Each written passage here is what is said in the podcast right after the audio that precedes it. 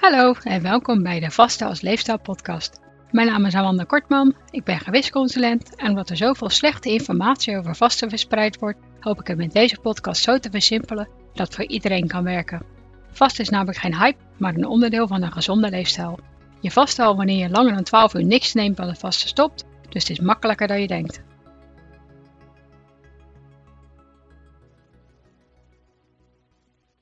Welkom bij aflevering 10. In deze aflevering ga ik het hebben over waar je als vaster moet letten wat betreft sporten, de grote voordelen van de combinatie van vasten en sporten en waarom de weegschaal steeds nuttelozer wordt. Onder sporten vallen in deze aflevering alle activiteiten die je doet om gezonder te worden, dus ook bijvoorbeeld wandelen, fietsen en yoga.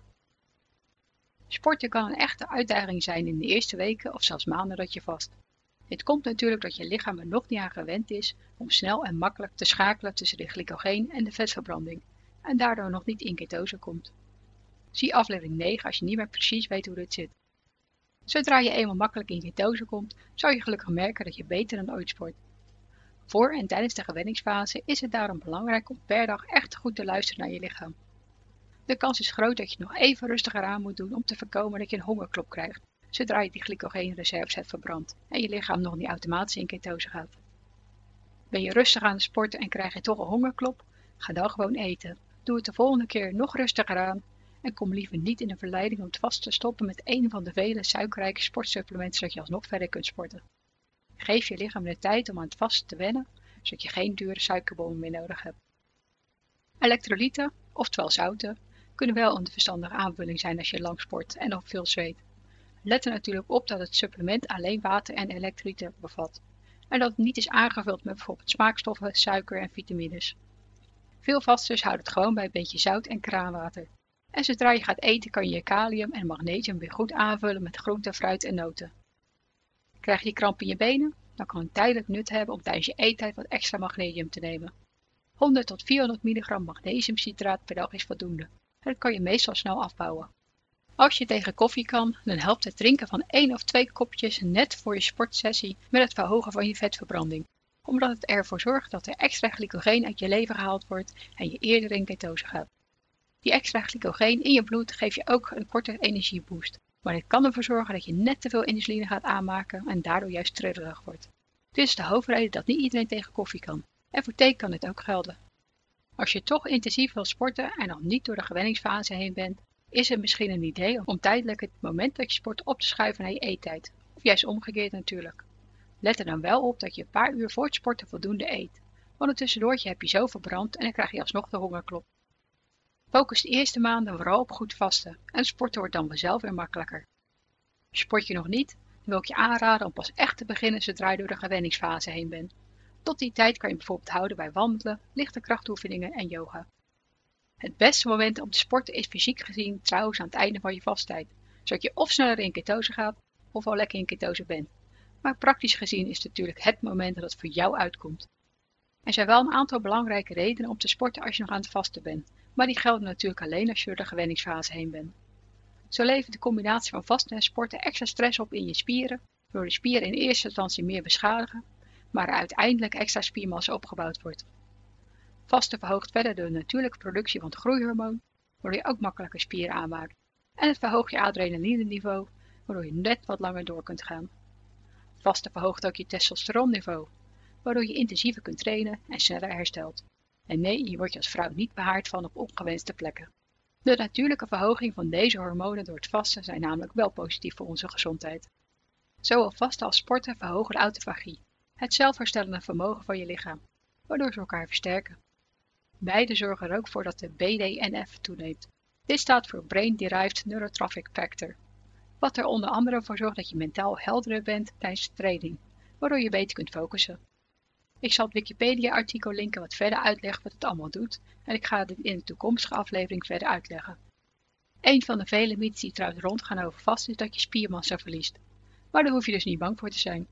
Het zou tenslotte raar zijn als onze voorouders hun spiermassa zouden verliezen en daardoor geen voedsel konden verzamelen als er voedselschaarste was. De mensheid was dan al lang uitgestorven. Ons lichaamsvet is onze reservebrandstof. En spieren worden pas gebruikt als we te weinig lichaamsvet hebben, minder dan 4%. Of als ons lichaam het vet niet als brandstof kan gebruiken, omdat we niet in ketose kunnen gaan door een te hoog insulineniveau. Door goed te vasten schakelt ons lichaam gewoon over. De mythe is waarschijnlijk ontstaan doordat er veel slechte studies zijn waarbij niet goed werd gevast en er al helemaal niet goed gegeten werd tijdens de eettijd. Ze maakten er dan een streng dieet van en strenge diëten zorgen eenmaal voor relatief veel spierverlies. Zoals ik net al vertelde worden juist meer positieve hormonen aangemaakt, mits je dus goed vast en voldoende eet. Vast is geen dieet en het is belangrijk dat je lichaam dat ook goed doorheeft, zodat het niet in de spaarstand gaat.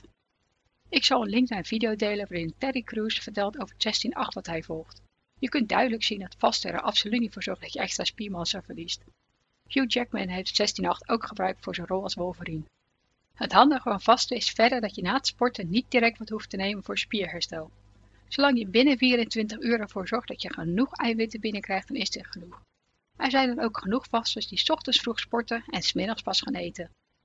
Als je veel sport, kan het natuurlijk geen kwaad om wat meer op je eiwitten te letten. Het advies voor de gemiddelde volwassene tot 60 jaar is om 0,83 gram eiwitten per ideaal lichaamsgewicht in kilogram te eten. Voor 60-plussers en chronisch zieken is dit 1 tot 1,5 gram om spierverlies tegen te gaan. Als je op een hoog niveau sport, kan dit makkelijk oplopen tot 2 gram. Een bodybuilders doen er vaak nog een schepje bovenop.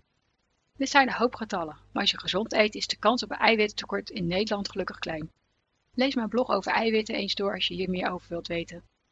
Zorg er verder in ieder geval voor dat je na intensief sporten altijd twee of zelfs drie goed gebalanceerde maaltijden eet.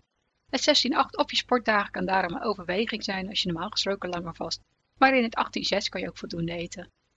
Als je nu nog geen sporter bent en je deze aflevering alleen uit nieuwsgierigheid luistert, wil ik je aanraden om in ieder geval wat te gaan doen. Sporten heeft tenslotte heel veel voordelen. Zo is het goed voor je spieropbouw, je bloedsomloop en de stevigheid van je botten. Maar werkt het ook bijvoorbeeld ontstressen en het is goed voor je insulinegevoeligheid. Ik heb er op mijn website een blog over geschreven waar ik ook zal linken, waar nog meer voordelen en een aantal tips staan. Vergeet ook niet dat iedere dag een blokje omgaan altijd beter is dan de hele dag bank hangen. En door het vast is de kans groot dat je juist meer wil gaan bewegen. Je zult je zoveel beter gaan voelen en meer energie krijgen dat het een wens wordt en niet meer als een plicht voelt. Een vraag die dan ook vaak krijg is, wat is de beste sport voor vasters? Een combinatie van cardio, krachttraining en balansoefening is perfect. Maar de beste sport of sporten zijn degenen die jij makkelijk kunt volhouden, fysiek aan kunt en waarmee je jouw doelen kunt behalen. Om zo gespierd te worden als Teddy Cruz moet je natuurlijk wel iedere ochtend meerdere uren in de sportschool doorbrengen en hard trainen. Maar zelf zegt hij dat het nu een stuk makkelijker is en hij meer energie heeft dan 20 jaar geleden. Nog een leuk weetje. Er worden door ervaren vasters hele ultramarathons gelopen op water en elektrolyten. En vaak hebben ze nog betere tijden dan voor ze begonnen met vasten. Dit is vaak een gevalletje van because they can. En dat wordt vooral gedaan door diegenen die geen zin hebben om al die suikerbommen mee te slepen. En omdat ze zich heel veel beter voelen als ze vasten sporten. Door mijn hernia's kan ik helaas niet uit ervaring spreken wat betreft sportprestaties. Maar ik merk wel dat ik meer energie heb sinds ik het 18-6 volg. En dat is voor een chronisch ziek altijd mooi meegenomen. Ik zal nu nog even bespreken waarom de weegschaal vooral voor vasters steeds nuttelozer wordt. Dit komt natuurlijk weer doordat je makkelijke spieren aanmaakt. Spieren nemen minder ruimte in dan vet, dus als je vetmassa omlaag gaat en je spiermassa omhoog gaat, kan je even zwaar blijven of zelfs zwaarder worden, terwijl je wel telkens een kleinere maat kleding kunt dragen. Ik zal twee duidelijke plaatjes linken waarin je dit verschil goed kunt zien. En ik wil je daarom aanraden om niet meer te focussen op de getalletjes van je weegschaal, maar om te kijken naar wat er met je lichaam gebeurt. Je kunt met de meetlint bijvoorbeeld je taille en andere delen van je lichaam maandelijks meten. Maar je kunt ook foto's van jezelf maken in bijvoorbeeld telkens dezelfde zwemkleding, zodat je de verschillen goed kunt zien. Een andere populaire methode is om een broek te kopen die nu nog te klein is en absoluut niet stretch is. Pas deze maandelijks en voor het weet pas je erin. Ik zal nu nog een aantal andere redenen benoemen waardoor de weegschaal ook voor niet-vasters minder betrouwbaar kan zijn. Je lijkt zwaarder doordat je veel vocht vasthoudt als je de dag ervoor een koolhydraatrijke of zoute maaltijd hebt gegeten. Als je veel spierpijn hebt, hou je ook meer vocht vast.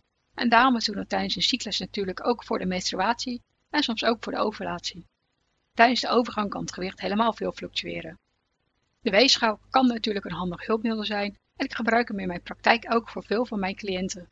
Maar sta erbij stil dat hij heel deprimerend kan worden. Ga dan ook liever voor een streefmaat dan voor een streefgewicht. En vergeet niet dat die per winkel flink kan schelen. Ik ben daarom gegaan voor een streefmaat bij mijn favoriete kledingwinkel. Ik hoop dat dit je wat op weg helpt met de combinatie van vasten en sporten. En ik zal nog een paar studies linken over alles wat ik net verteld heb. In aflevering 11 bespreek ik hoe je het beste kunt eten als vaster zodat je niet bang hoeft te zijn voor voedingsstoffentekorten of de spaarstam.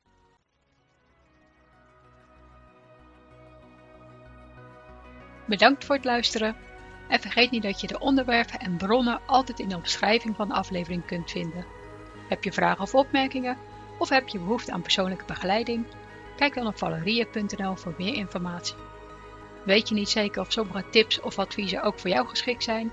Bespreek ze dan natuurlijk altijd met je arts.